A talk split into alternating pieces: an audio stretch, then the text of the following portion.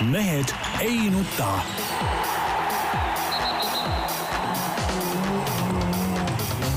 mehed ei nuta. selle eest, et mehed ei nutaks, kannab hoolt Unibet, mängijatelt mängijatele.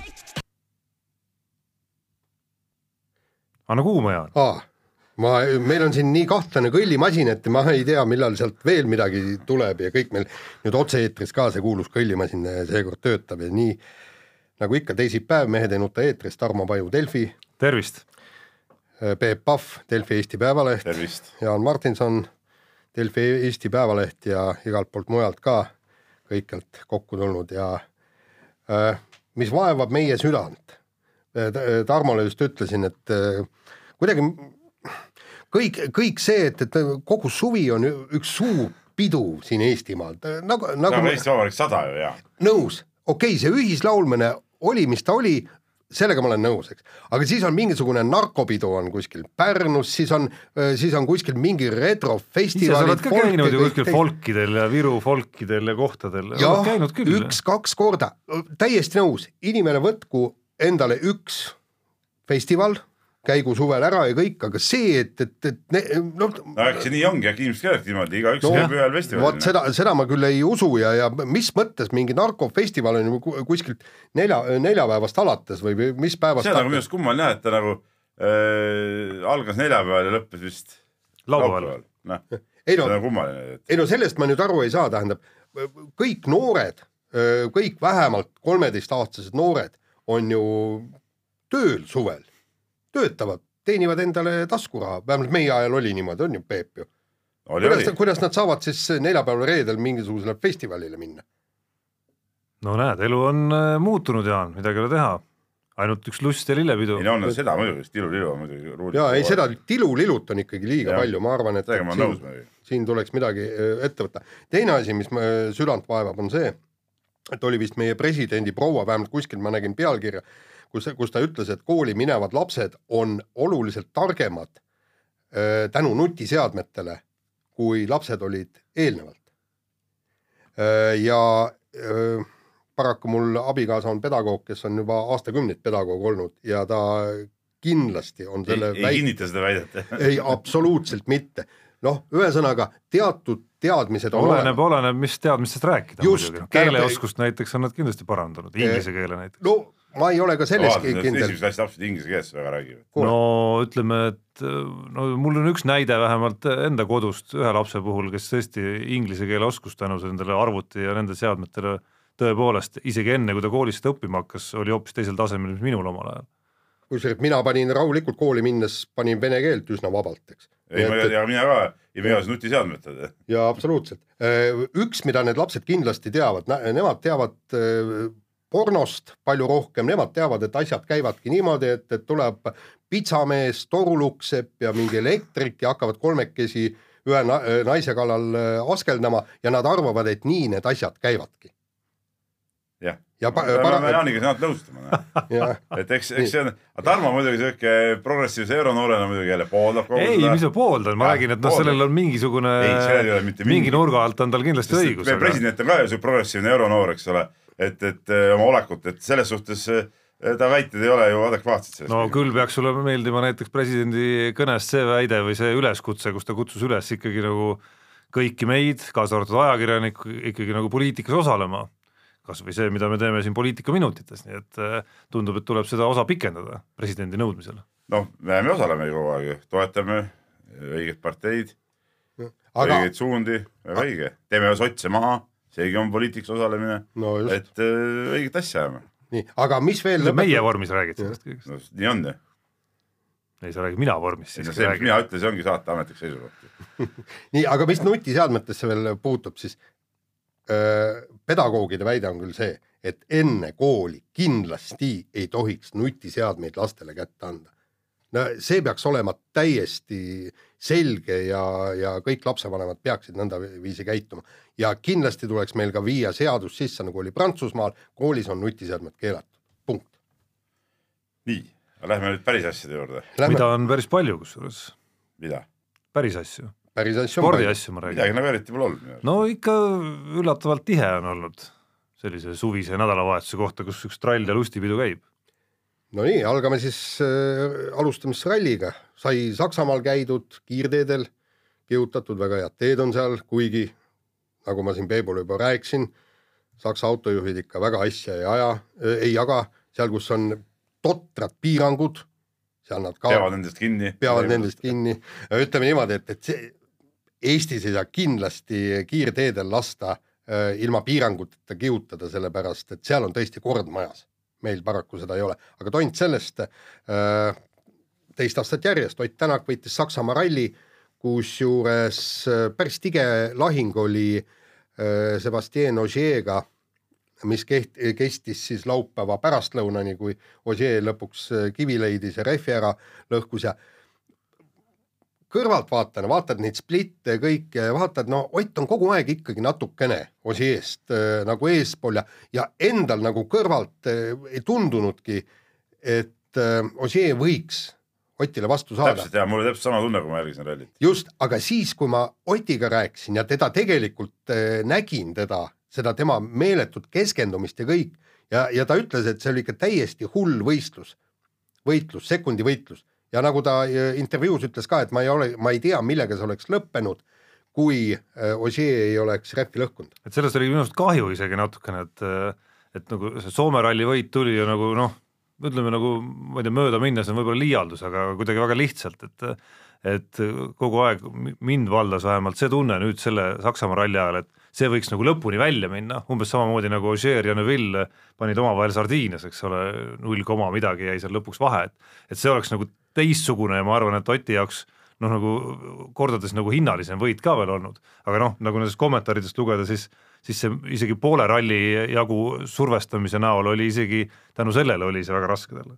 Jah, ja, ja, ja, ja tõesti, vot see ongi see, et, et noh, kõrvaltvaataja ei näe, milline pinge see tegelikult äh, no, arvestad, arvesta, kes sulle hing-, hingab kuklasse, et see fakt iseenesest, et see on Ogier seal, mitte Latvala või Lappi või keegi teine jah no,, aga, aga nagu, nagu Ott ütles ka, et äh, kui me kuulasime seda Ossier vabandusi ja, ja kuidas ta tegelikult seal natukene liialt ikkagi plõksis ka äh, Neuvilli pihta ja, ja, ja üldse kogu tema juttu, siis väidetavalt ikkagi Ossier'l ei lähe kuidagi hinge, et üks mees temast kiirem on. Lihtsalt puhta sõiduga. no sa oled viis aastat valitsenud, siis on loogiline, et ei lähe, ei lähe hinge see, kui, või tähendab, läheb hinge või ei mahu hinge õigemini. see, et keegi sinust järsku kiirem on, et see, see on täitsa loomulik reaktsioon, see imelik oleks ka, kui ta suhtuks sellesse rahulikult, et, et ta järsku ei olegi enam nagu ainuvalitseja. kuigi ega hooaeg pole läbi ja ma ütlen, et tal on veel kõik äh, võimalused Oseel ka selle, selleks, et ikkagi oma valitsemisaega jätkata ja päris head võimalused.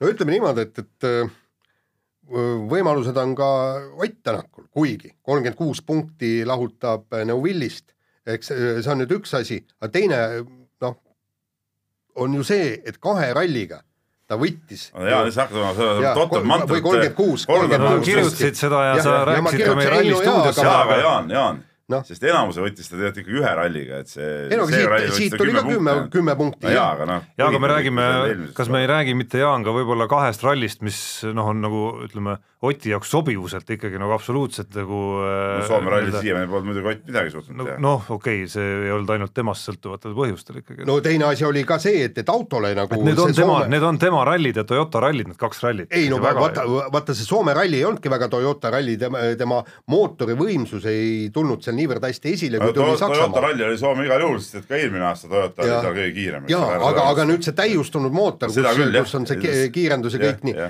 ja samas jälle ma lugesin just Mägineni juttu, tema ütles, et kõik neli järgmist rallit sobivad eh, kindlasti Toyotale.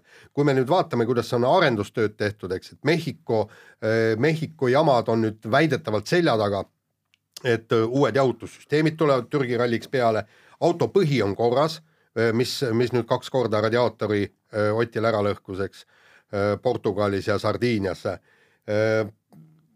jõuallikas no, on ka hea. sa nüüd äh, natuke maalid väga roosilise pildi minu arust, eriti arvestades, et tegemist on tehnikaspordiga et samal ajal me näeme, kuidas äh, tema tiimikaaslane Jari-Mati Latvala endast olene, olenematutel põhjustel katkestab miskipärast kogu aeg jah, ja ma ei tahaks uskuda, et. Tänaku auto on nii palju töökindlam kui Latvala auto, et see on nagu juhus siis. jaa, vot siia ma tahtsingi öelda, et, et juhus ja, ja Ott Tänak ei saa selles tabeliseisus küll ühtegi sellist äh, asja endale lubada. jah, aga, aga seda ma just ütlengi, et, et kui nüüd tõesti läheb õnneks ja see auto vastu peab, sest, sest vaadake, kui Ott Tänakul pole olnud probleeme, viiel rallil pole olnud probleeme, kolmel korral esimene, kahel korral teine. et see, see näitab, et, et ta, ta on tõesti poodiumisõitja. nojah, aga see ralli, ralli ongi üldjuhul selline, et noh, sa ei saa arvestada sellega, et sul ei ole mingit probleemi, noh. eriti nüüd näiteks tuleb Türgi ralli, mis on nagu auto jaoks üli, ülikeeruline, eks ole, kui seal on katkised teed, kivid ja asjad kõik lõhuvad Ja. seal masinat, eeldada, et sul ei teki ühtegi probleemi, seal on ikka suhteliselt noh, see on nagu liigne optimism ja ma ütlen, et Jaan, sinu puhul ongi ikka seesama häda lööb jälle välja, et et sa nagu hakkad mingisse asja nagu uskuma või mingit teooriat, et noh, nüüd Ott tulebki kohe ja võidab kõik ära. ei, ma ei ütle, et ta võidab, aga tal on võimalus no,, tal on võimalus, sellepärast et vaata, paraku tema võimalus alles nagu on nagu reaalsuselt kolmas, mitte ei ole esimene ega teine. kusjuures sa näe, näed ju vä- väga hästi, mida tegid O- Ossier ja Neville Soomes. Neil ei olnud mingeid probleeme, võta ja sõida. ja kui sa tead, neil ei olnud mingeid probleeme. no autol ei olnud no mingeid olid probleeme. ju, no autol olid järelikult ei olnud probleemid, see Neville ju ütles otse välja, et ta ei suutnud esimesena teepuhastajana sõita, noh. Mhm. nii, nüüd praegu, mis probleemid siis sellel Ossier oli? lõpuks jäi neljandaks. tal mingeid probleeme, ta sõitis võidu, see probleem oli, et rehv läks katki vahepeal. nojah, aga ära sõida vastu kivi nojah, mis probleemid olid Neuvillile, Neuville sai ju vahepeal katsetelt sai ju lapilt sai ju laupäeva viimastelt katsetelt ta sai ju lapilt lõdvalt tappa ju, lihtsalt puhta sõiduga. ei no pealtnäha, pealtnäha tundub muidugi jube lihtne, no isegi võta ja võida kõik neli järelenud rallit ära, kõik neli punktikatset ka sinna lõppu. Ja ma arvan, et oledki ja ma arvan, et sellest piisab, okei okay,, Ei, igal juhul piisab, ma ei no igal juhul ei, igal juhul ei piisa, sõltub Neville'i kohtadest ka natuke no ainult punktikatsetest. Ei no kui Neville on iga kord teine näiteks, siis sa saad ju seitse punkti per ralli tagasi ehk kakskümmend kaheksa kokku. aga siis aga siis on punktikatsed ka veel on ju, et noh, aga noh, ütleme tehnikaspordis seda ei juhtu. pigem on ebatõenäoline see jah, aga, aga aga on ka võimalik.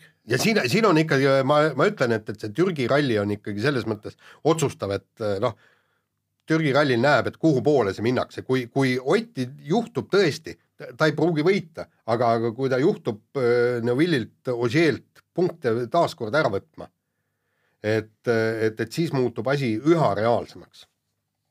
võima-, võimalik sa oled natuke nagu see, sa Ožeed nagu eriti ei arvestagi, ma olen su jutust niimoodi aru saanud, et Neuvill on ainult, kellega Ott võitleb, tegelikult Ožee on ka seal vahepeal ja mina isi, ise arvan, et Ožeega see võitlus on palju hullem ja rängem tuleb hooaja lõpuni kui isegi kui Neuvilliga võib-olla.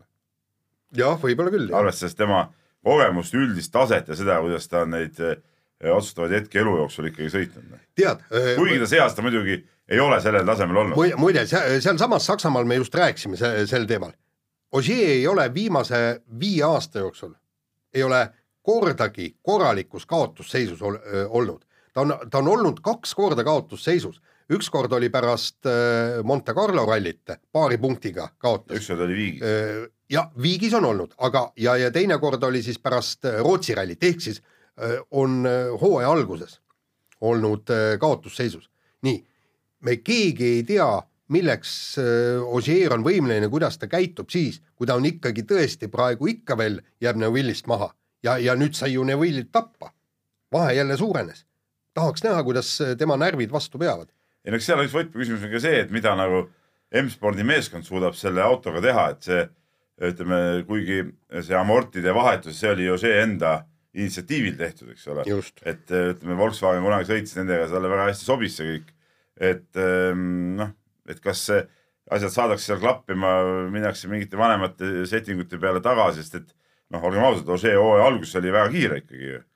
et, et, et küsimus on natuke selles ka, mida M-sport suudab autoga teha, teine küsimus on see, et eh, mis on juhtunud Hyundai autoga kui sellisega, kes oli, keda peeti hooaja esimeses pooles üldse kõige paremaks autoks, noh. et nüüd järsku on see Toyota saanud kõige kiiremaks, et mis nagu Hyundai eh, tiim nagu teeb, et, et siin on nagu need tegurid ka, et, et kogu su see teooria põhineb sellel nagu ütleme, et M-sport ja Hyundai oma autoga nagu midagi nagu enam noh, oma autot nagu paremaks ei saa ja, ja mehed on aina kehvemad, eks ju, samal ajal sa räägid kogu aeg, kuidas Toyota tuleb see, teine, kolmas, neljas asi juurde. Et noh, päris nii need asjad nagu ei käi tegelikult. no jaa, aga, aga, aga muide sellest, sellest, et eh, selle M-spordiga on probleeme, sellele vihjas ju ka see, kuidas eh, Ogier t- tunnistas eh, rallieelsel pressikonverentsil, et eh, ta tahab kindlasti jätkata eh, võidu sõitmist, aga ta ei oska veel öelda, kus tiimis ja ütles, et, et mind huvitavad ainult maailmameistritiitlid.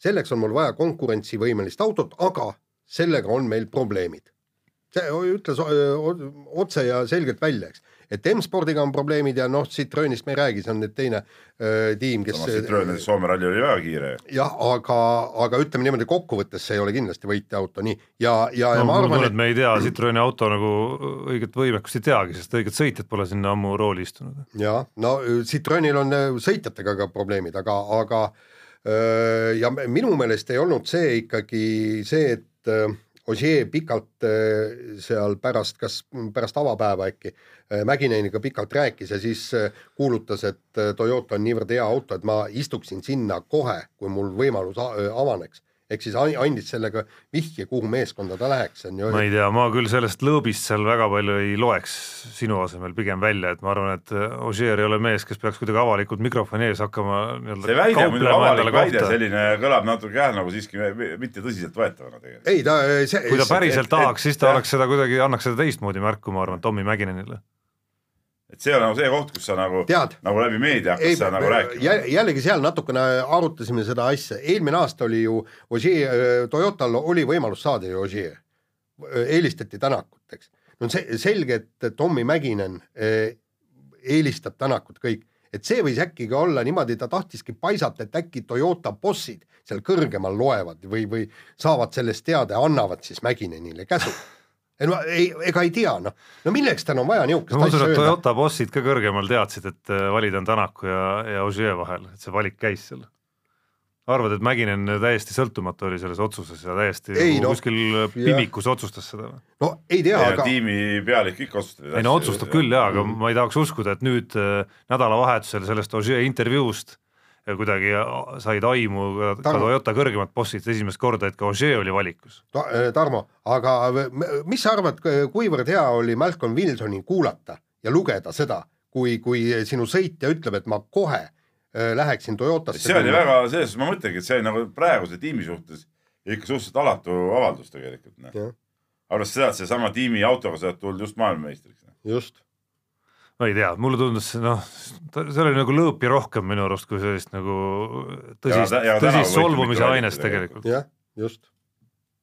aga vahetame teemat, kuna teemasid on palju, natukene korvpallist ka siia otsa, september ei ole üldse enam kaugel, kooliaasta on ka ukse ees, korvpallihooaeg on ka tegelikult ukse ees, aga meie kauaaegne noh, ma ei tea, mis see õige sõna on, kultusklubi üks esindusklubisid Tartu Ülikool põhimõtteliselt siiamaani ei tea, mis, mismoodi see hooaeg hakkab välja nägema, kes seal mängivad, kes on peatreener, kas tuleb äh, nii-öelda Audentes kaks, totaalne täielik äh, nii-öelda lastevõistkond või, või tuleb seal ikkagi midagi asjalikku? lastevõistkond kindlasti ei tule, see on nagu ilmselt nagu välistatud praegu tundub. no küsimus on selles, et eelmisel, eelmisel nädalal oli, oli siis leping Priit Venega suhteliselt nagu käeulatuses, et noh, ma tahaks küll loota, et, et äkki see on juba allkirjastatud, allkirjastatakse nüüd täna-homme, et, et mõlemad pooled olid, olid nagu seda meelt, et see leping ikkagi saab tehtud ja, ja, ja nagu ma kirjutasin ka, et seal Priit Vene on tegelikult ju vaadanud juba ka mingeid mängijaid Leedust, keda, keda meeskonda tuua, et, et et ütleme, mingid tugevdused see ikkagi saab, et selles suhtes jah, et, et em, mis puudutab nagu Eesti mängijaid, siis selles suhtes on küll aeg nagu ümber lastud, et siin nagu kuskilt kedagi enam võtta pole, et, et kui siin nüüd täiendus saab, siis ainult, ainult välismaalt tegelikult, et selles suhtes jah, ei ole, ei ole seis võib-olla kõige parem. No sa kuidagi väga, kuidagi väga pehmelt enda kohta väljendad ennast praegu, et isegi no on,, isegi kirjasõnas väljendasid sa natuke reljeefsemalt ennast äh, no olukord on selline praegu. et äh, ma ei tea, mind küll kurvastab selline noh, ikkagi nagu klubi juhtimise mõttes, isegi kui sa lähed äh, noh, nii-öelda eelarvetega allapoole ja, ja otsustad kuidagi noortele rohkem panustada, siis see ei tähenda, et sa peaksid äh, nagu meeskonna või klubi juhtimises nagu veel samme amatürismi poole astuma rohkem Aga minu, aga seda on nüüd küll tehtud.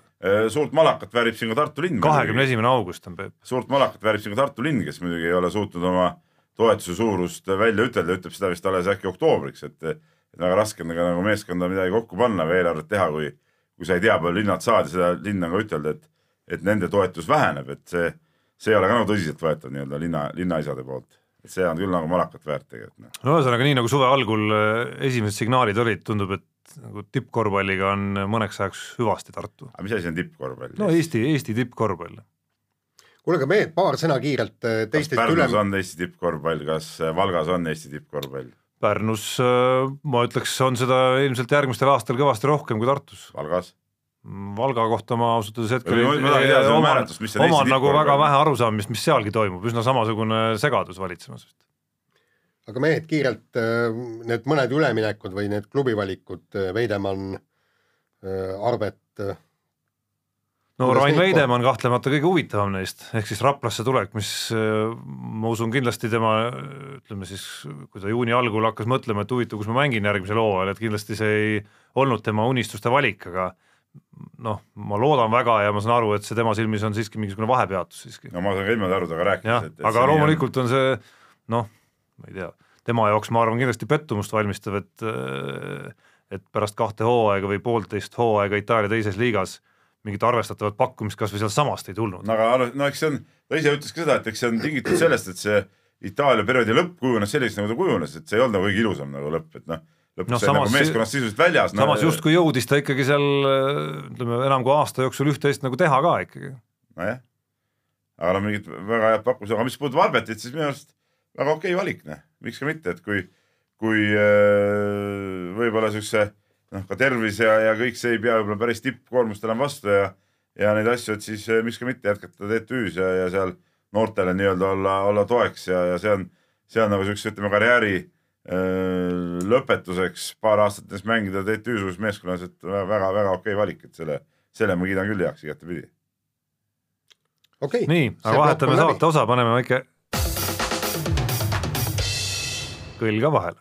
nii, ja nüüd kiire vahemäng ja äh, alustame jalgpalliga ja Zakaria Begla, Beglarashvili, pagan, raske, rasked nimed, on lähedal Eesti ko- kodakondsusele ja kui ta selle kodakondsuse saab, siis äh, võib ta rahulikult mängida ka Eesti koondises. et no kõik on õige ju, sest et mina saan aru, et mees saab Eesti kodakondsuse ikkagi eh, kõiki, kõiki reegleid järgides, ta on juba aastaid siin Eestis olnud, oskab minu teada eesti keelt isegi, eks ole, ja, ja mänginud ja olnud siin, mees on selle välja teinud kodakondsuse, siis peab selle saama ja, ja ma täpselt ei oska seda mängutaset muidugi öelda, aga ma arvan, et ta sinna koondise ringi ilmselgelt nagu mahuks. Ja just tähtis on see, et, et see keeleoskus ja nii-öelda eh, eestluse ei no omaks kõik, võtmine kõige ametlikum tee, mis üldse nagu olla saab, eks ta on abi, tema abikaasa on vist tallinlanna, eks, Tallinnast pärit ja, ja selle kodakondsuse saamise nagu nii-öelda lõppjaam on nüüd sügisel keeleeksamid, eks. ehk siis noh, no ega teistmoodi ei saagi ühesõnaga. teistmoodi ei saagi ja see kõik on õige, et siin ma ei näe küll nagu ühtegi, ühtegi detaili, mille pärast peaks nagu, nagu kätt ette panema. No ja tundub- ja ta tundub ka kõiges- koondise sisse, siis paneme väga ukse lahti igal ja ta tundub ka oma juttudes üsna kõva nagu Eesti patrioot olevat, kusjuures kui tema intervjuusid jälgida. ja aga vot siit võiks teised alaliidud ka nagu malli võtta ja, ja noh, mis meil on, mis see saalihoki koondises on pooled äh, mängijad säärased, kellest, kel pole eesti keelest aimugi ega midagi, et ikkagi tõesti, kodakondsus on ametlikult siit saadud, keelt oskab. Siis palun. teisalt muidugi jälle noh, vaadata nüüd jälle nagu Gruusia poole pealt, siis noh, tegemist on Gruusia äh, reeturiga tegelikult. noh, Gruusia koondises ta nüüd ei, väga ei, figureerinud ei, ei ei ole, koondise mõttes, me ma ütlen, et, et noh, et kui sa oled teise riigi mees, no tuled siia, tahad teise riik, teise riigi kodanikuks saada, siis igal juhul kodakondsuse vaatamine on teatud määral ikkagi, kuidas ma ütlen, ei ole nagu päris äh, õige asi, aga noh, meie seisukohast ma ütlen, et, et ma ei näe nagu Eesti koondise seisukohast, ma ei näe nagu takistust, kuna ta on kõik kriteeriumid täitnud. aga no., aga inimlikust äh, seisukohast ma ei pea seda õigeks üldse kodakondsuse vahetamist mitte kunagi ei no jaa, aga, aga kui tal oleks võimalus, on, see ongi see Eesti probleem, et teile, et ei lubata topeltkodakondsust. sellepärast, et kindlasti ta oleks jätnud selle koondisega, aga kui ta tahab olla siin Eestis, ta tunneb, et tal on siin hea, ta tahab mängida Eesti koondises, ta tahab Jaa, ennast ta on- Eestiga sedu, ta on siduda. äh, sündinud grusiin. ta on loodud elama Gruusias tegelikult. Eestlane on loodud elama Eestis. ei, aga minu meelest see on väga hea, et ameeriklane Ameerikas, äh, muide Peep, aafriklane Aafrikas.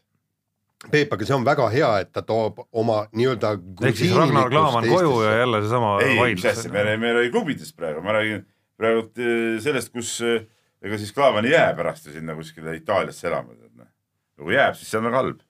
ja nii, aga vahetame teemat, Jaan oma Saksamaa reisi kõige ütleme siis nagu tõsisema ajakirjandusliku avastuse tegi sellise, mis oli seotud Jari-Mati Latvalaga, nimelt siis see tema katkestamine ja käigukasti probleemid olevat siis välja näinud niimoodi, et kõik töötas, aga enne avakatset läks Jari-Mati Latvala siis puid tühjendama ja kui tagasi tuli, siis käigukast enam ei ei töötanud. avakatset. ei, see viimase päeva. viimase päeva, Päeva, no päeva, ja, ja viimase päeva, avakatset, ja jah. no niimoodi see vend ise rääkis, ütles, et nii ta oli, põielt tulin ja järsku kõik käigu, käigud läinud, et, et mis tähendab seda, et pampers pük- püksi ja mitte põiele minna. nojah, see on jälle jaanilik eh, lähenemine sellele küsimusele loomulikult, noh. saan aru, et probleem oli seal mingi hüdrauliline rohkem vist. seal oli anduritega oli anduritega mingid asjad jah, et noh, ja, ja tegelikult ütles ju väga hästi selle kohta eh, Toyota pealik. et, et, et tore on küll, eks ole, et siin üks mees võitis ja üks oli kolmas, aga noh, näed, et tal on Latvalast kahju, et eh, tegelikult Latval oli kindel, et oleks saanud ju teise koha saanud ju rallil see oleks olnud ka meile kasulik igal juhul, et, et, et ta oleks seal vahel olnud, et selles suhtes ka mul on Latvas kahju, Latval on MM-sarjas eh, üks mu lemmiksõitjaid vaieldamatult. ja, ja, ja kusjuures ma saan se- sellest Toyota bosside, see, see oli vist see president. Toyota ise vist, jah? jah, Toyota ise, et öö, Toyota on ju tuntud kui hästi kindel auto, mis ei lagune mitte kunagi. näiteks on Jaani õudne kast, millega ta ringi sõidab, mis kannab ka Toyota Corolla. ei no Corolla on iseenesest hea auto, see oli ka minu esimene ma auto mäletan seda. ja ei ütle üldse paha aga sõna. no see on ikka uskumatu saan, millega Jaan sõidab, aga ta sõidab, noh. ei no see on aastast ka- öö, kaks tuhat üks auto ja väga elegantselt sõidab ja, ja nagu elegantne on selle kohta muidugi nagu palju. see ei ole see sõidab sõna., ei, See ei ole sõidab see, sõna, sõidab elegantselt, aga kusjuures need autoajakirjanikud on väitnud, et, et see, see Corolla mudel on ajaloo kõige inetuim on jokis peaga tehtud, see esituled ja kõik. ja, ja aga samas äh, ajaloo kõige vastupidavam. vot, nii on, aga kummalised lood, nii-öelda kummalised lood on ka äh, Sten Timo Soku, kes siis liikus mängima Kreeka esiliigasse ja, ja mängib seal äh, kreeklasena. no eks siin on no, muidugi nagu omapärase saatuse nii-öelda keerdkäiguna siis sellest äh, Tiit Soku ja Aivar Kuusma kunagisest äh, Kreeka tretist. kuidas Tiit Sokk sai, kas tal äh, see Vanaema. vanaema, vanaema oli kreeklane või? oli vist või? oli midagi seal Ja kuidagi vanaema oli seal ikka leiutati ju- aga mis siis imetada, kui Sten Timo Soku vanavanema on ju kreeklanna, eks ei ole. no ja isa oli ka kreeklane ju. ja isa. Oota, mis ta nimi oli? Tout Tout- Gian, kas Tout Giannopoulos või To- Tout Giannakopoulos? midagi siukest oli ja just eile, eile Madis Kalvetiga ka töö juures äh, arutasime ja vaatasime seda asja, et, et noh, nii on. oota, aga mis Timmu Kreeka nimi on? vot seda ma ei teagi ausalt öeldes. peab järgi uurima. selle peaks kuskilt kuskil äh, kui Eurobasketis võib-olla on ta juba üleval selle nimega. aga see tähendab siis seda, et ta nüüd jälle Eesti koondist tulla ei saa või? siin on huvitav küsimus. ei, kusjuures enam, enam ma saan aru, ei tähenda seda, et need ajad olid seal üheksakümnendate alguses, kus oli kuidagimoodi nagu keeruline. kreeklane tulla või? ei no seal on ju näiteks päris palju argentiinlasi, kes mängivad Hispaania liigas või Itaalia liigas itaallaste või hispaanlastena näiteks, et seal ei no teate, need noored mängivad samamoodi, vaata miks, miks teatud vanuses eestlased lähevadki näiteks Itaaliasse, noh, on oluline, et läheks enne teatud vanust, sest kui nad on parast olnud, siis nad saavad Itaalia, mängivad seal Itaalia litsentsiga, neile ei anta Itaalia nimesid nagu, nagu Kreekas antakse. et selles suhtes on see ikka kummaline. kuule, aga muide see, see kahe, kahe kodakondsuse värk on ikkagi selles mõttes jama, et see Rootsi teevassüppa, mis, mis ta nimi oligi iganes, on kellelgi meeles? kohe ütlen sulle, see on meil siin ka ühes kirjas mainitud Jah., minul nimede peale on mälu nagu, on mälu nagu on. Duplantis, jah, Armand Duplantis. kusjuures temal on ju Tal niimoodi, et hüppe, jah, ja, ja öö, tal on ju nüüd niimoodi, et, et tema nimel on nii Rootsi USA, teevassüpp kui USA teevassüppe vot rekord see on nagu eriti totter. no seda ei saa, niisugust asja ei mis saaks ta olla. USA rekord on, kui ta esindab USA-d, noh? jah, no jaa, aga ta ei, aga tal on kodakondsus, USA aga kodakondsus. on, huvitav on ka see, et ta nagu noh, teadupärast lapse kodakondsus peab käima isa järgi, eks ole, kuidas ta üldse Rootsi kodakondsus saab olla? ega ema järgi ei võeta kodakondsust. ja see on sinu arvata. ei, nii ongi ju. no kuule, kui sa oleksid näiteks. kuidagi Peep ei no kehti. Jaan, Jaan, sa oled, ütleme Eesti mees, eks ole, noh, võtad segastel asjaoludel, ma ei tea, mingid, ma ei tea, Vietnami naise, nii, teil tulevad lapsed, mis need lapsed on siis vietnamlased, ei ole ju. Eesti, sina paned neile ikkagi oma järgi, isa nime järgi seal eh, mingi Lee, jaanipoeg Martinson, eks ole, tead noh. ja, ja ikka paned Eesti kodakondsuse talle no eks, eks laste pealt tuleb vaadata, kui need nagu väga pilusilmsed on, mis kuradi eestlased nad siis. ei no, no päris eestlased ei ole, nad on polüvernikud, eks ole, aga, aga kodakondsus käib ikka isa järgi, selles suhtes ei saa nagu seda, seda teevashüppe kulda ka Rootsile nagu Jah. ütleme kaela riputada. ja, ja kusjuures selles on sul õige, et on ju isamaa, isamaa muidugi. isamaa, isa järgi. no mulle tundub, et äh, Sten Timo on siiski pääsenud äh, oma Kreeka nimest ehk et teda ikkagi nimetatakse siin Sten Sokuks Kreeka korvpalliportaalides, nii palju, kui ma nendest hieroglüüfidest aru saan. nii, aga võtame järgmise teema ja Narva Transi venelasest peatreener Adjam Kuzjajev kadus lihtsalt ühel hetkel ära. keegi ei saanud temaga ühendust, väidetavalt oli tal depressioon, Narva Trans mängis alguses küll kenasti, nüüd viimasel ajal on kõvasti tappa saanud, noh, klubi juhtkond helistab, jou, kus sa oled, need trenne on vaja teha ja kõik midagi, venda lihtsalt ei ole. ja siis nüüd võetigi türklasest peatreener, et see on niisugune, Peep, sina oled nüüd ka treeneritööga siin hõivatud, ütle, kas, kas see, see, see on normaalne või, või, või ikka võib juhtuda. ja ma seal töö juureski vahest mõtlen, et Jaani vaadates, et depressioon tuleb peale, et peaks lihtsalt minema ja asjad kotti panema, minema jalutama, noh. No nii hirmus on olla. peatoimetaja helistab, Peep on kadunud. ei võta vastu, noh. siis tuuakse sulle üks türklane sinna istuma, et minu asemel.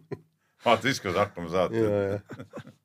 ei, aga see, eks kõik võib juhtuda muidugi, noh, see on, kuigi muidugi tugev mees ei murdu, ma äh,, kui Sjaev, ma arvan, on ka see mees, et noh, see oleks võinud võib-olla olukorra lahendada, ütleme kahe, kahe nuia sissetõmbamisega, väljamagamisega oleks võib-olla korras olnud, aga, aga noh, no kuule, vene mees, no võib-olla kolme ta, lahendaski, ega see depressioon on siiski, oli ka mingi ehku peale pakkumine, et võib-olla ta lahendaski sellega ja sealt siiamaani lahendab. ja see on, ja see protsess kestab veel, et kahest ei piisanud. no seda ka jah, see, see on ka nagu võib, võib tõesti ette tulla.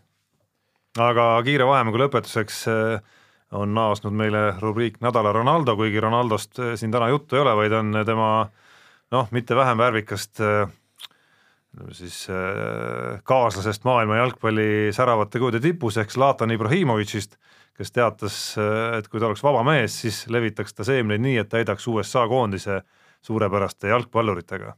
aga kas tal seda võimalust ei ole, et seal ütleme, paned oma seemne purki ja siis sealt naised saavad võtta seda või? ei no see on see spermadoonorid. jah, et, et see on ju, see on ju täitsa lubatud ju, mis seal on siis.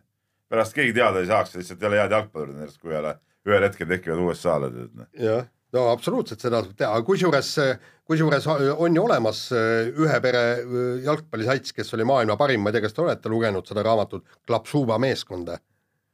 Mul Ammu- kuidagi tuleb nagu tuttav, tuttav ette, see oli vist, see vana vene raamat oli veel mingi. ja, ja, aga see oli ju unga-, ungarlaste kirjutatud ja. Ja seal oli siis, isal oli üksteist poega ja siis äh, tegi põllumaast, tegi jalgpalliväljaku ja, ja siis sai maailma, maailma parimaks satsi, satsiks ja kõik, et niimoodi, et täiesti normaalne. isal oli ka vägev seeme siis Klapsubal ja tema, tema järgi oligi siis see me, meeskond nimetatud, nii et täitsa võimalik. no tähtis see, et Jaan kuskil ei hakkaks levitama ennast niimoodi varjatud kujul. No mine sa tea, mis ta siin Jah, korraldanud on Jaan, tõi kuidagi kahtlaselt täpselt teab neid asju, aga laseme kõlli ka. vägev. nii, Peep, kirjad. nii kirjade rubriik ja lähme korraks autoralli maailma tagasi ja kirjutab meile Alar. ja Alar äh, kirjutab siis sellest, et teatavasti, teatavasti plaanitakse WRC sarja, WRC sarja tagasi tuua legendaarne Keenia ralli, mis oli viimati kalendris aastal kaks tuhat kaks. Et kaks tuhat üheksateist toimub nii-öelda kandidaatralli ja kui kõik sobib, siis liitub Keenia ralli WRC sarjaga aastal kaks tuhat kakskümmend. Alar pani meile ka ühe Youtube'i videolingi sellest kahe tuhande teise aasta rallist ja, ja, ja põhimõtteliselt jutu küsimus on, on, jutu mõte on see, et, et mida arvate, kas Keenia ralli suudab tagasi sarja murda, mida tähendaks see karm ralli, kus kolmas koht näiteks kaotas ligi üheksa minutit sõitjatele ning autoarendusele. Kas auto tuleks varurattad niimoodi täis toppida, et kaardilugejal oleks kaks tükki süles? et äh, et näiteks kaks tuhat kaks lõpetas neljakümne kaheksast autost üksteist. ei ma isegi vaatasin seda videot, kus Ei, ma vaatasin ka seda videot, jah. päris krunge. jah, ei see, see on auto ka ruttu meelest ära läinud, et see ralli selline oli nagu. jah, kuule, kas seal ei olnud mitte niimoodi, et iga päev oligi ainult üks kiiruskatse, siin on start, seal on finiš ja põhimõtteliselt ta ikka natuke sarnanes jah, sellele pikama rallile Ta- ta- Dakari rallile jah, kusjuures äh, sealtsamast Keenia rallist oli ju äh, see legendaarne hetk, kui äh, Tommy Mäkinen äh, diskvalifitseeriti, ma ei tea, kas, kas sa mäletad seda, et see ja diskvalifitseeriti sellepärast, et äh, lõhkus rehvi, hakkas rehvi vahetama ja siis mingisugused pealtvaatajad, neegipoisid tulid talle appi, oh näed, et me kõik aitame, aga teised ei tohi ju abi anda. Ja ei sellepärast ja, ja selle peale siis Mäkinen äh, andis kommentaari, et mis ma siis oleks pidanud tegema, need neegrid maha laskma või. ja sellest tuli muidugi kõva skandaal. nii on, no eks ta sihuke, ega ta autotootjatele ma arvan, et ei meeldi see ralli, et ta, tema selles ei ole nagu seda pointi või ta on nagu nii teistsugune võrreldes, võrreldes muu MM-sarjaga, aga, aga ma arvan, värvi juurde annab kõvasti, et selles suhtes äh, äh, ma arvan, et see on äge, et äh, see küsib Alar, et kas teist, kes tahaks teist avatud mõttemaailmaga inimest julgustada siis Jaan ja Peep, nagu te olete, sinna koha peale minna. no Jaan kindlasti tahab. ei noh, geenial, mis seal ikka on siis noh. vaatame jooksjad kohalikud üle ja ja, ja las olla, ei, ma arvan küll, et ma arvan, et see oleks nagu äge, mulle tegelikult nagu Aa. nagu iseenesest nagu meeldiks, kui see ralli no kuidagimoodi tollal rallil, kusjuures äh, äh, kirjasaatja saatis meile ka protokolli, suutsid Marko Märtin ja Sebastian Loeb äh, sõita niimoodi, et kakskümmend sekundit jäi neljanda-viiendana lahutada, lahutama üksteist. oh,. muide, seal on ju veel see äh,, rallil on ju see, et, et neil on äh, esihelikopterid, mitte esisõitjad, esihelikopterid, kes hoiatavad loomade eest. et, et näed, siin on lõvikarid, et teele tulemas ja siin elevant tammub ja kõik, et sõitjad peavad teadma, et mis neid ees ootab. nii, aga huvitav küsimus tuleb Kallelt ja küsib sellist asja, et, et Euroopa meister teivashüppes Armand Duplantis hüppas juunioride maailmarekordi kuus null viis. mis te mehed arvate, kas Duplantis hüppaks sama tulemuse Sergei Pupka teibaga, mis tollal kasutusel oli? et, et noh, ta räägib, et varsti hakkame üha enam kokku puutuma bio-, bioonilise dopinguga, varsti hakkavad terved sportlased oma liigasid ka vahetama, kuna need on tugevamad. noh, et äh, kaheksakümmend, kaheksakümnendatel aastatel, kui Pupka juba hüppas seal kuuemeetriseid tulemusi, eks see teiba mingi vahe kindlasti on olemas. muide, nagu mina mäletan, on see, et, et teiba pikkus ei ole reguleeritud, sa võid võtta nii pika teiba. ja, aga sa pead jaksama seda paindesse joosta. just, absoluutselt no ja lihtsalt tehnoloogia abil sa saad seda teivast noh, ikkagi nagu hakata kohendama, et, et aina vähem on vaja kiirust selle selle, selle nagu kasutamiseks. aga samas, Peep, kui nüüd sellele Duplantisele panna juurde pupka keha ja, ja kõik, kõik see, et niisugune koordinatsioon ja, ja jõud ja plahvatus, vaata, ta oli ikkagi tõesti nagu sportvõimne lihastes poiss. Mhm. et no siis ma ei kujuta ette, kui kõrgele see poiss võiks hüpata. kui ta juba praegu, no seitsmeteistaastasel vennal ei saa ju olla see lihaskond veel välja arenenud nii nagu peaks kaheksateist ikka. no vahet ei ole kaheksateistkaaastasena. ei muidugi, aga väga, väga huvitav muidugi oleks, oleks tea-, lugeda mingit teaduslikku võrdlust, need teivaste teaduslikku võrdlust. no kahjuks ei ole nii kursis selle teemaga, aga ma kahtlustan, et seal ikkagi mingid reeglid ka kuskil on olemas nende teivaste materjalide kohta. et see päris nii ei ole, et äh, mõtlen laboris välja mida iganes ja siis tulen sellega ei välja. no aga ma mäletan, vanasti hüpati üldse jäga teibaga ju. no just, jah, pillirooteibad Jah. olid ja kepihüpe nagu oli see asi, et oma- omal ajal. nii, aga siin hu- huvitavaid küsimusi on veel, Jaan kirjutab meile ja see ei ole Jaan Martinson, ma võin teile kinnitada. Et eh, missugune ürituse selle aasta tippsündmus Eestis, kas UEFA superkarikas, Rally Estonia või Ironman Tallinn? et eh, see küsimus on tekitanud siis Jaani tutvusringkonnas tulist arutelu, et ta ise on kindlalt Ironman Tallinna poolt, sest sportlikus mõttes oli see kindlasti tõsiseltvõetavam kui superkarikas ja ralli. noh mina olen siin jälle, annan kindlalt oma hääle Tallinna, selle Rally Estoniale loomulikult, mis oli nagu ütleme, maailma äh, tasemelt oli, oli äh, kõva ja seal käis kõige rohkem publikut, mis oli selles suhtes äh, tippsündmus, et see tõi kokku kõige rohkem äh, meie Eesti inimesi. Peep, selles mõttes on tõesti õigus, aga kui me võtame sportlikku mõtet, siis on tegelikult ikkagi, ikkagi tõesti triatlon, sest seal oli, oli ka midagi mängus, seal, seal inimesed pääsesid ju öö, sinna Hawaii Ironmanile vastavalt tulemustele kõik, et see, seal see tulemus maksis. noh, see mängus olek nüüd ei olnud ka nüüd, no ma saan aru, kui sa räägiks, et oli EM-i medalid või midagi oleks mängus olnud, aga noh, kõigest pääsmed siiski. On kvalifikatsioonivõistlus. Jaa, aga- ega superkarikas nüüd ka päris asi. nagu päris sõprusmäng ka ei ole, kuigi okei okay,, loomulikult on see tiitlite hierarhias kuskil nagu oluliselt kaugemal meistrite liigast, UEFA karikast või Hispaania liiga meistritiitlist. Nii et jäi siis äh, Rally Estonia, võtame järgmise kirja, Georg Sonne kirjutab meile. eks ta nagu fänne, eks ta fänne puudutas muidugi Ja kõige muidugi. rohkem, aga noh, teisalt äh, ka võrkpallikoondis on näiteks palju inimesi toonud sisse saali no näiteks. mitte nii palju. no mitte nii palju, eks nii. et siiski Rally Estonia, lähme nüüd edasi kirjadega. kirjutab meile Georg Sonne ja toob meile näiteks David Serbi eh, ühe tänase kirjatüki, mis oli siis ajendatud Pärnus toimunud kergejõustikuvõistluselt ja, ja, ja David tõepoolest kirjutab eh, väga õige jutu, millele ma olen eh, nõus ka eh, oma poolthääle igal juhul andma ja loo pealkiri on siis kahepalgelised kergejõustiklased ja räägib see peamiselt sellest, kuidas eestlasi, Eestis on kergejõustikuvõistlusi vähe ja kogu aeg kirjutatakse, et pole mingit õiget sarja ja nii edasi. Ja nüüd oli Pärnus tõepoolest suurepärane võistlus korraldatud, aga keda pole, on Eesti kergejõustiklased, et on, oli väga vähe meie sportlasi, mõnel distsipliinil ainult üks eestlane, mõnel spordialal üldse oli seal kolm-neli osalejat ja nii edasi.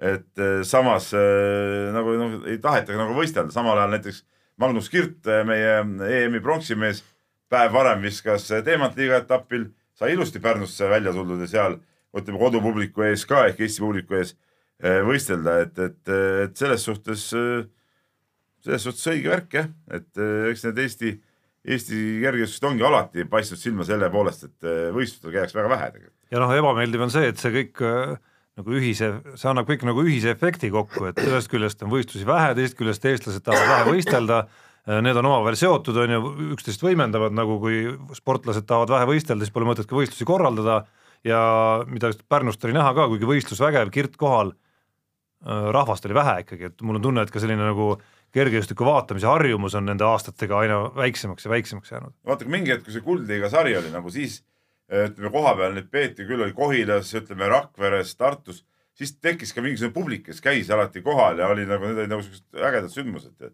aga see on ka üks põhjus, miks see publik on ära, kuna ei ole stabiilsust. nii ja teine asi, see, mis ka David kirjutas väga õigesti, et, et, et, et miks sportlased ei käi, et see on nagu treenerites kinni, nad peaks oma sportlasi välja ajama sinna võistlema igal juhul, et, et no kuule, sa saad võistelda siin maailma eliitvendadega koos, nagu mis mis saab olla veel nagu suuremaks stiimuliks, kui, kui mängida või mängida või võistelda, ütleme tippudega, tippudega koos noh. et, see on nagu selles suhtes see on tõesti kummaline on see, see suhtumine Eestis. muide, siin on jällegi, toome väikse võrdluse Soomemaalt, kui soomlaste EM, EM kergejõustikus läks täielikult aia taha, medalit ei saanud ja kes võttis sõna? minister, spordiminister, neil on vist haridus- ja spordiminister ja, ja, ja tundis, tundis muret kergejõustiku kehva käekäigu pärast ja põhimõtteliselt öö, tema oli see, kes, et otsime nüüd koos lahendusi, kuidas seda asja saaks pää, päästa. ehk mi, mis tähendab see, et, et see sport on riigile tähtis ja ta peakski ka tähtis olema. ja, ja, ja meil on ju ka noh, näiteks kasvõi tõesti see talisport, mis mõõnab ja kõik nii, aga ega meil ei ole kuskilt spordijuhtidelt EOK-lt, kas EOK oleks, kas nad on praegu mingil pikaajalisel sundpuhkusel või? no ilmselt on jah, oled kuulnud midagi neist või? absoluutselt, Raju küll ükskord võttis telefoni ja rääkis eh, sellest eh, stipendiumide asjast mm, -hmm. aga muidu nagu ei ole küll kuulda olnud, et see, et seal kontoris, või on neil üldse kontor kuskil praegu või? no kindlasti vist on, aga, aga, aga see ongi täpselt, täpselt seesama, et, et meie kultuuriminister ja, ja ja ega meie olümpiakomitee peaks nagu muretsema tõsiselt selle pärast, võib-olla tõesti ka, ka vaatama kergejõustikut, vaatama siis seda talisporti, mis meil, sest see, ega see kergejõustiku üks pronks, ega see ju ei näita meie kergejõustiku üleüldist tugevust. no, no ega väga nüüd otseselt, kui me vaatame nüüd kohti esikümnes, siis ütleme, mingi kergejõustiku mingi tase ikkagi on olemas, me ei saa öelda, et, et kergejõustik praegu mõõnaks otseselt. ei, ta, ei ta ei mõõna, erinevalt talispordist.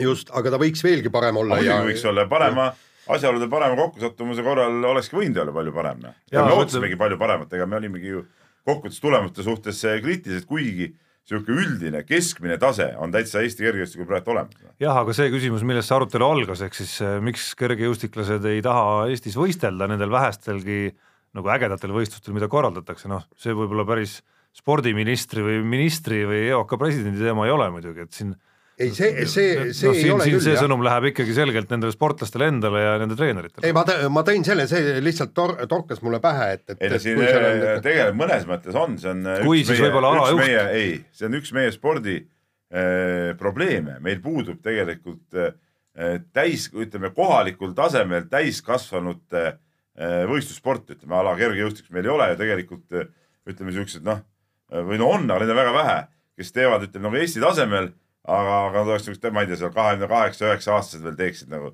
et, et, et seda nagu ei ole ja sellepärast on ka need võistlused vähe, meil on kas mingid noored, siis need, kes veel üritavad kuhugi jõuda, siis on päris tipud, eks ole. aga siukest, ütleme nagu keskklassi klubi tasemel sporti nagu on väga vähe.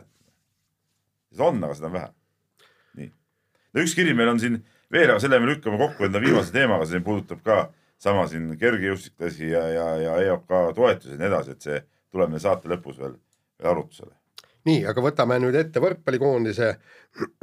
et siis Eesti võrkpallikoondise EM valikturniiril pani paika Aavo Keele ju- juhitud Läti ja, ja pani ikka paika kuigi kolm-üks, aga noh, nii enesekindlalt, et ega tegelikult ei, ei näinud seal ka nüüd võimalust, et, et Eesti võiks kaotada. kusjuures siit on küsimus see, et, et kui ma tahtsin vaadata Eesti nii-öelda saidilt seda võrkpalli, oli seal mingi geoblokeering kusjuures Laola tv-st saab ju kõike seda täpselt vaadata, et mis mõttes, mis, miks mulle pannakse blokeering, kui ma saan mujalt seda kõike täpselt vaadata?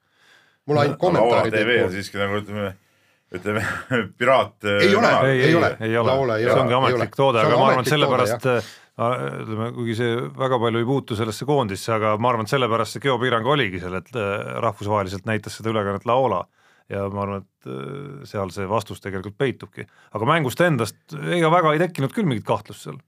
okei okay,, ühe game'i lõpu lasid, lasid vastaste parimal mehel nagu ära servida koos, koos paaris ühe kesk, keskblokeerijaga nagu ära võtta, aga aga muus osas tuli see kõik ikkagi nagu üsna möödaminnes, et et tõestas pigem, et Eesti võrkpallimeeskonnal alagrupist, ütleme alagrupist edasi finaalturniirile pääsemine peaks olema küll selline nagu noh, kohustuste kohustuslik. Ma nagu sellel teemal pean passima, kuna ma mängu ennast ei näinud. aga no selge see, et, et vaadates ka seda tulemust ja, ja vaadates ka seda alagrupi koosseisu, siis sealt noh, igal juhul peab Eesti esimene. jah, no väike intriig muidugi on püsti sellega, et Iisrael äh, pani Lätile kolm-null, pigem see oli nagu suur üllatus. noh, et mis, mis teeb nagu natukene ettevaatlikult noh, ütleme jah, ettevaatlikuks enne järgmist mängu. ja aga sa, aga samas vot just see äh, Läti kaotus äh, äh, Iisraelile, et see jubedalt tekitab küsimusi, eks, palkasid Aavo Keele, eks sats peaks olema ju tegelikult mängisid seda Euroopa mingit liigat, mängisid täitsa korralikult. ja täiesti korralikult, et, et, et praegu nad sisuliselt võtsid endal võimaluse, kuigi praktiliselt kõik pääsevad edasi, mis oli seitsmest viis. ei no kui sa ikka kolmandaks äh, selles grupis jääd, siis sa ei pääse mitte kuhugi. ei, ei siis küll, eks. aga noh, hetkel on Lätil äh, üks game'i võit kahe mängu peale. no just ja, ja nad ei pruugi ka siis, kui nad teiseks jäävad, ei pruugi edasi saada, sest viis teise koha meeskonnad seitsmest. ei no absoluutselt, kui nad võidavad kodus Iisraeli näiteks ja Mhm. kaotavad võõrsil Eestile, siis äh, ütleme ühe võiduga pelgalt ja ilma, et sa oleks seal ütleme siis mõnda lisapunkti saanud kaks-kolm kaotuse eest, ei, ei ole väga eks tõenäoline Eesti, eks Eesti annab selle lisapunkti ära, kui vaja on no ma ei oleks, tahaks oleks, nagu seltsimehelik. ma ei tahaks uskuda, et nad väga andma lähevad midagi seal. miks mitte? miks ei peaks andma siis? no mis sa, mis sa nüüd arvad, tähendab äh, et ütled Robert Tähele, et kuule, et äh, ära jama nüüd noh. ei no tähtis ei, osale selles kohtumises. jah, aga No aga noh, tegelikult ma ütlen enne, ikka, enne ikka tahab omade poolt olla, mis saatis mingi Iisraeli poolt. ei, ma ei ole kellegi poolt, aga noh, ma ei usu ma ei usu ma ei usu nendesse, ma ei usu on nendesse kokkulepetesse lihtsalt muud midagi. ma usun küll. ma ei näe siin küll nagu mingit väga, väga keerukat asja, nagunii kogu aeg see maailma spordis seda tehakse. kusjuures intrigeerivam osa minu arust isegi sellest võrkpallisuvest praegu, me natuke puudutasime eelmine kord ka seda, on ikkagi see naiskonna käekäik. ja see oli väga vinge et. Esimese mängu nad küll, nad küll ikka jah. päris narril kombel muidugi kaotasid ära, aga, aga see-eest aga jah, punkti said kätte, aga see-eest võtsid ikkagi nagu boonusena nagu järgmise mängu puhtalt nagu ise ära, eks, ilma Jah. punkti loovutamata. päris raskete game'i lõppudega. jah, ja see tundub grupp, kus, kus tõesti vähemalt seniste tulemuste järgi oleks nagu neli võrdset naiskonda koos, no nüüd on Tšehhiga vist mäng, eks kaks tükki. kaks tükki järjest veel. jah, no see, see noh, sisuliselt otsustavad mängu. sisuliselt otsustatud mängud ja ei väga, väga huvitav tõesti, kui mingi Eesti naiskond saaks lõpuks finaalturniiri, siis see oleks nagu Eesti spordis jälle üks erakordne sündmus. noh.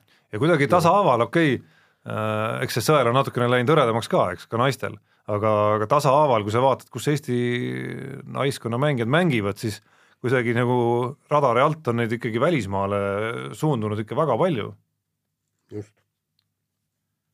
nii, vahetame teemat, Ragnar Klavan, Eesti, varsti võib vist öelda Eesti aegade parim jalgpallur, siirdus Itaaliasse Liverpoolist, Cagliari, Sardiinia saar. no si siin ma võin natukene sõna võtta ja, ja täpsustada nüüd äh, Klaavani väiteid ka äh,. väga kihvt saar, hästi hea kliima ma äh, seda hiljuti käisin seal rallit vaatamas no just ka me, Jah. mina käisin, tähendab jube head söögid, seal ma käi- käisin vaatamas kalaletti, seal oli umbes kaheksakümmend eri sorti äh, kalu pluss kaheksajalad, kõik nii. ja, ja kui Klaavan ütleb ikka, et, et kliima on hea, toit on hea ja punane vein on hea, vot selle punase veini kohta ma tahaks öelda, kuule, seal on öö, mereannid, kalatoidud nii head, nende kõrvale ei jooda punast veini juuakse valget veini, mis on ka ääretult äh, hea ja proovi kindlasti roosat veini ka. et seda sa võid nii liha kui kalaga süüa ja, ja, ja need veinid on tõesti, kohalikud veinid on, on väga head. sai, sai mekitud sellised, sellised, sellised, äh, kuulake kõik, sellised on siis ralli komandeeringud. ega seal ju tööd vaja- vaja teha ei ole, eks ole, ootad lihtsalt on seal press nii nagu Jaan. Ralli stuudios rääkis, ootab pressikeskuses lihtsalt, kuni Ott Tänak tema juurde astub. Eh, tead, seal on tegelikult, ma ütlen sulle, ralli, ralli probleem on see, et, et teinekord, kui sa lõunat süüa ei jõua, siis sa oledki täiesti puhtalt hommikust peale kuni õhtuni välja söömata. Ja kui sa siis lähed ikka, võtad väikse veiniga sinna toidu nii, kõrvale. aga, aga räägime nüüd eh, korra ikka Klaavanist edasi, et noh, tegelikult eh, teoreetiliselt on see muidugi samm tagasi noh, taseme poolest. igal juhul samm tagasi, aga, aga mis mulle nagu meeldis selle sammu juures väga, on see, et et kuigi tavaliselt öeldakse, noh, siis vanemad mehed, et need no, mänguminutid neid väga ei huvita, et noh, tahavad lihtsalt palka välja võtta.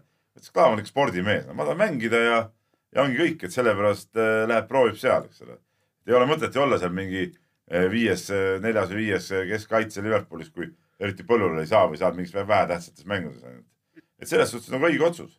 tuleb Eh. minna ja sa sportlane oled, sa teed trenni ikka selleks, mängida, mitte selleks, pingil istuda. ja kusjuures me ju räägime tegelikult noh, eile just arutasime ka öö, meie jalkaspetsidega, et ilmselgelt on palk väiksem kui Liverpoolis, Liverpoolis maksti noh, väidetavalt kaks miljonit aastas eurot. Siis öö, selle Itaalia niisugune tagum-, tagumise otsa sats ei suuda sellist palka ma maksta. et ta kaotab ikkagi vähemalt Eesti mõistes küllaltki kopsaka summa. ja no ometi seda me päris täpselt neid tingimusi muidugi ei tea seal siiski, ma, ma ei oleks nii kindel selles, ses mõttes tal oli ikkagi nagu aasta Liverpooliga lepingut veel jäänud ka. Et ma ei mina ei julgeks nende detailide osas küll nagu sõna võtta, küll, küll võitis ta ikkagi mingisugust pikaajalist kindlust, et ta sõlmis kaks pluss üks lepingu, eks. mis tema vanuses, ma arvan okei. sõlmides eh, ikkagi Itaalia kõrgliga meeskonnaga vähemalt hetkel, siis eh, noh, on, ma arvan, nagu päris mõnus kindlus sulle ikkagi järgmistest aastateks päris päris sellist ohtu, ma arvan, tal ei terenda, nagu seal, tahaks loota, nagu Konstantin Vassiljevil Poolas, eks, kes ka natuke sarnaste argumentidega tegelikult vahetas klubi ju viimati ja nüüd istub seal viiendas liigas. Ja ei, aga, aga selles mõttes tõesti, et, et no Klaavan tahab tõesti mängida. no ja, ja, mis, ja, kui- mis, no mis, ja mis tasemest me räägime? Ja me räägime liigast, kuhu läks eh, ilmselt maailma parim jalgpallur hetkel, Cristiano Ronaldo mängima just sel samal suvel. Ja, ja, ja, ja, ja mõelge nüüd, eks, et, et Ragnar Klavan ilmselt ta ju nägi ära, luges kõik üle, kes on seal esimene, teine, kolmas, neljas, tema on kuskil viies mees ja nüüd siis terve hooaeg lihtsalt ainult trenni teha ja võib-olla saada öö, pingile mõnes mängus ja mõnikord siis näiteks liiga karikas saada ka põllale. et, et ausalt öeldes, et see on ikka vaimu tappev, sa oled ikka mängumees, sa tahad mängida, ei muidugi. et kiidame heaks. nii, aga äh, siin on õhku paisatud veel üks küsimus. Et kas UEFA superkarikas Tallinnas oli siis super? no teie teate, mina olin õnneks Saksamaa rallil, mina ko- kogu seda möllu ja mälu siin ei pidanud taluma, ma kujutan ette, et kogu maailm oli siia tulnud, eks, et ma ei oleks ma just küsisin Jaan su käest ka, mäletad, et kuidas see, kuidas Saksamaa eh, meedias seda mängu kajastati, ma saan aru, et erilist kajastust ei olnud ja ma ise vaatasin seda, ma olin küll tööl siin muude asjadega seotud, ka poole silmaga vaatasin, et eh, noh, jah. Mäng oli, aga ma ei oska muud midagi. ei no möllust teen mingit emotsiooni minust jaa, no möllust teen ka mina eemale, mäng iseenesest muidugi tore oli see, et mäng oli jumala äge ja, ja põnev, tähendab nagu mängulises mõttes ja stsenaariumi mõttes ja ja eriti, mida mäng edasi, seda rohkem sai seda telekast nagu jälgima ka hakatud ja ja lisaks jõudsin minagi koju. just, just, et noh, et tegelikult äh, mingi noh, ütleme, kui me nüüd jätame mingid hoiakud kõrvale, tegelikult oli äge muidugi noh, et sul on äh, needsamad, keda sa võib-olla vaatasid siin paar kuud tagasi teleri vahendusel jalgpalli äh, nii-öelda nagu suurel areenil maailmameistrivõistlustel, et needsamad vennad Tallinnas siin väikesel maailma mõistes ikkagi nagu külastaadionil olid kohal ja andsid nagu vägeva etenduse. kodus telekas vaadates äh, seda efekti nagu tekkinud, tekkis ainult nendel, kes olid staadionil kohal, et ega sa telekast vaatad, siis sul on nagu täitsa ükspuha, mis platsi peal mängivad. ja no telekas suudeti kaamera isegi seda nagu niimoodi näidata, et sa ei saanud aru, kas see on nagu mingisugune sajatuhandene staadion või see on väike, sest noh, näidati nagunii tribüünide mingisugust, mingisugust levelit ainult. Et noh, aga jaa, on ikkagi rahvusvaheline mõõde anna sellele mängule, et kuidas Saksamaal olid kursis iga täpselt äh, taktikalise skeemi ja nende asjadega. ei, absoluutselt mitte midagi. null, null, null infot, tegelikult ma ütlen ausalt, mul läks absoluutselt meelestki ära, et niisugune mäng on, mäng on, ma ju telekat ei viitsi, ma, ma ei tea, kas telekas kuskil kanti üle, ma tavaliselt telekat ju ei vaata. no Saksamaal kindlasti leidus kanal, mis näitas seda mängu, iseasi oli see tasuline, tasuta, mis kanal see oli? aga, aga igal juhul eh, ka spordilehti, seal, seal olid ju noh, nagu rallidel ikka, et kohalikud lehed olid kõik, aga seal ma nüüd küll ei näina, ei näinud mitte ühtegi märget sellest eh, mängust, paraku. mängime kõlli ka. nii, ja saate viimane teema. EOK võttis lõpuks mõistuse pähe ja Portsule sportlastele otsustas maksta selle nii-öelda C-kategooria toetuse kuues, kuuesaja euro asemel tuhat nelisada eurot. Selleks, et, et valmistuda nüüd siis järgmisteks aastateks ja, ja ka loomulikult olümpiaks, kusjuures sellega ei kaasne siis seda nii-öelda töötasu, ta muidu on siis palju no see ettevalmistustoetus on, muidu töötasu vist on kas või tuhat tuhat kuussada oli palk, 1600, jah, tuhat kuussada palka ja tuhat nelisada töötasu ja, tuhat kuussada miinus maksud. ja, ja miinus maksud just, et, et noh, ütleme niimoodi, et, et noh, milleks oleks, oli vaja nagu mitu aastat mõelda ja venitada, kas meie muide viimases saates enne just seda va- valikut ei öelnudki, et, et makske siis ilma palgata seda ettevalmistustoetut, mis nii on ükskordki suudeti teha mingi enam-vähem normaalne otsus nagu, et, et et no oleks olnud jabur, kui tõesti Maicel Uibo, Rasmus Mägi, siuksed mehed, Andrei Jämsa võib-olla ei oleks saanud nagu mingit eh, normaalset toetust, noh, mehed, kes on ikkagi nagu on ikkagi nagu tippsportlased ja, ja, ja ega see tuhat nelisada nüüd ka mingi eriline raha pole, aga no abiks ikkagi see nagu ikkagi tagab selle võimaluse, et saad nagu tippsporti jätkata ja ja see, et seal noh, toodi veel, ütleme see ringi laiendati, see oli nagu isegi pisut üllatav, et seal see äh, Kaidi Kivioja ja Elari Mägisalu ja Kelly Sildaru ka veel mängu toodi, et noh no see oli väga üllatav tegelikult Jah. minu arust isegi, et see, see minu arust nüüd äh, seab sundseisu EOK ka selles osas, et, et minu arust tuleb nagu edasise suhtes üleüldse nagu igasugu statuute ja reegleid nagu muutma hakata, sest sest see nagu päris niimoodi ei saa, et sa jätad reeglid endiseks ja siis iga kord hakkad erandeid tegema, et sa, sa pead ikkagi nagu sätestama siis ümber ja tegemagi ümber kogu süsteemi. muide vaata, ei, minu arust ei pea. asi ongi selles, et on mingi reegel, aga on, on ka see tippspordikomisjon, kes ikkagi saab neid otsuseid nagu reaalselt langetada, et ütleme, ütleme mingi leveli sa saad igal juhul, ütleme sõltumata sellest komisjoni otsusest, noh, mis on reeglitega paika pandud. Aga kõik need siuksed erandjuhud, see ongi see komisjoni eh, otsustada ja komisjon peab olema lihtsalt piisavalt pädev selle jaoks. kusjuures He- Helari Mägisalu Euroopa meistrivõistluste hõbe, olgu siis, et, et ei ole see kaalukategooria, aga tont sellega. Kaidi Kivioja tuli ka ju siin Tartus äh, triatloni EM-il tuli ka medalile, eks ju, noh, Kelly Sildarust seal noh, seda me teame kõik, eks ta on juunioride ma- maailmameister ja, ja võitnud siin igasuguseid värki, nii et, et põhimõtteliselt nagu õige seltskond sai seda raha ja, ja, ja kusjuures see ongi niimoodi, et, et nüüd palun, te saate raha, eks proovige nagu näidata ka, et need tulemused paraneks. et, et see nagu aitab teile, teile kaasa, meil tuli samal teemal tuli üks kiri ka, millest ma ennem rääkisin ja, ja Tamm Tamm seda kirjutas ja, ja ta siin tegelikult eh, küsib, küsib sellist asja, et just sellesama otsuse, otsuse põhjal, et, et, et miks ei saanud näiteks samasuguse toetuse peale näiteks Kaur Kiviste ja Tiidrek Nurme, kes said EM-il üheksandad kohad. Et Nurme ütles ju ka, et suurem eesmärk on tiitlivõistlusel Eesti medal võita ja ja mõned mehed tegid isiklikud, isiklikud rekordid ja, ja, ja olid, ütleme, olid nagu kõrges kohas, et noh, tegelikult oleks neile võinud ka selle anda, aga noh, ütleme, no ma ei tea, no nende tase võib-olla ütleme selle pealt võiks C-kategooria peale seda minna, ma nüüd täpselt ei tea, kas nad on sinna, on nad C-kategooria peal või ei ole, no enne seda nad ei olnud igatahes. Kivistik kindlasti mitte.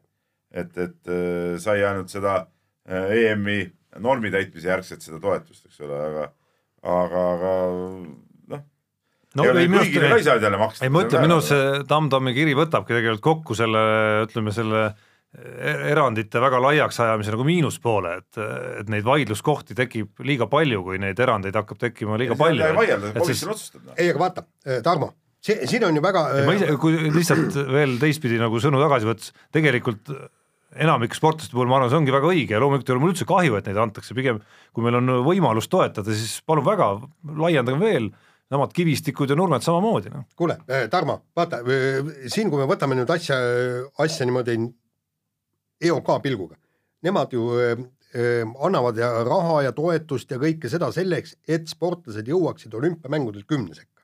kui me vaatame seda nimekirja, siis neil kõigil on võimalus jõuda olümpial kümne sekka siiski. mõned on ka varasemalt jõudnud ja kõik, isegi ma arvan, et Kaidi Kiviojal, noh ta, ta ei no Kaidi Kivioja on, ma arvan, isegi noh, ütleme kõige väiksem sellest seltskonnast, ma arvan, on see võimalus Elari Mägisalu. ei no ma ei Tema ole oma ka selles, ma ei ole ka kui ta siin äsja sai U kakskümmend kolm EM-il Mm. vist kaheteistkümnenda koha. no jaa, aga see on tal uus kaal, eks ta tuleb sinna harjuda, nii. aga okei okay,, ta on noor jällegi. jaa, täpselt, aga sealt nüüd võtame siis tõesti Tiidrek Nurme ja Kaur Kivistik. Kas sa usud, et nad äh, olümpiamängudel no ebatõenäoline, ebatõenäoline muidugi, kui No vot. tulevad aafriklased ka kõik. ja ta pigem noh, ega Kivistik äh, tegin temaga EM-il ju intervjuu, ta ütles päris äh, ausalt välja, et ega tema võistlus ongi EM tegelikult noh.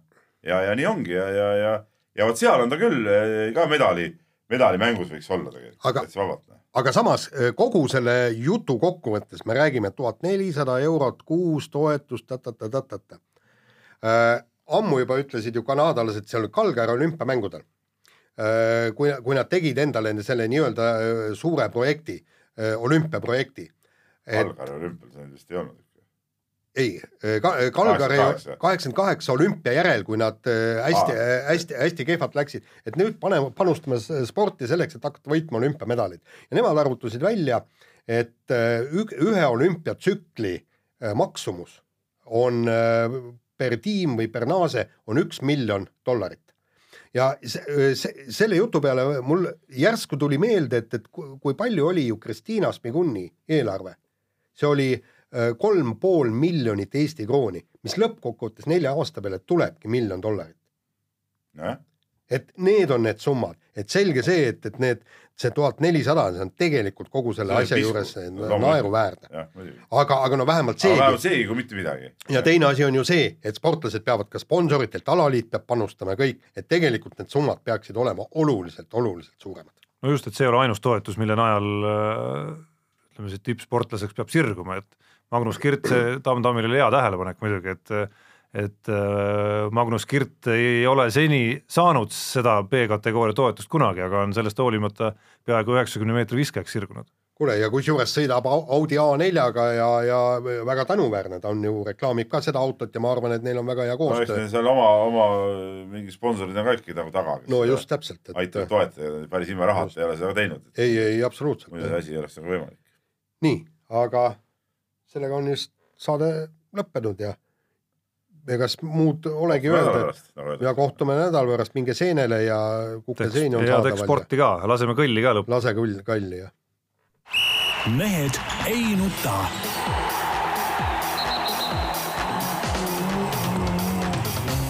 mehed ei nuta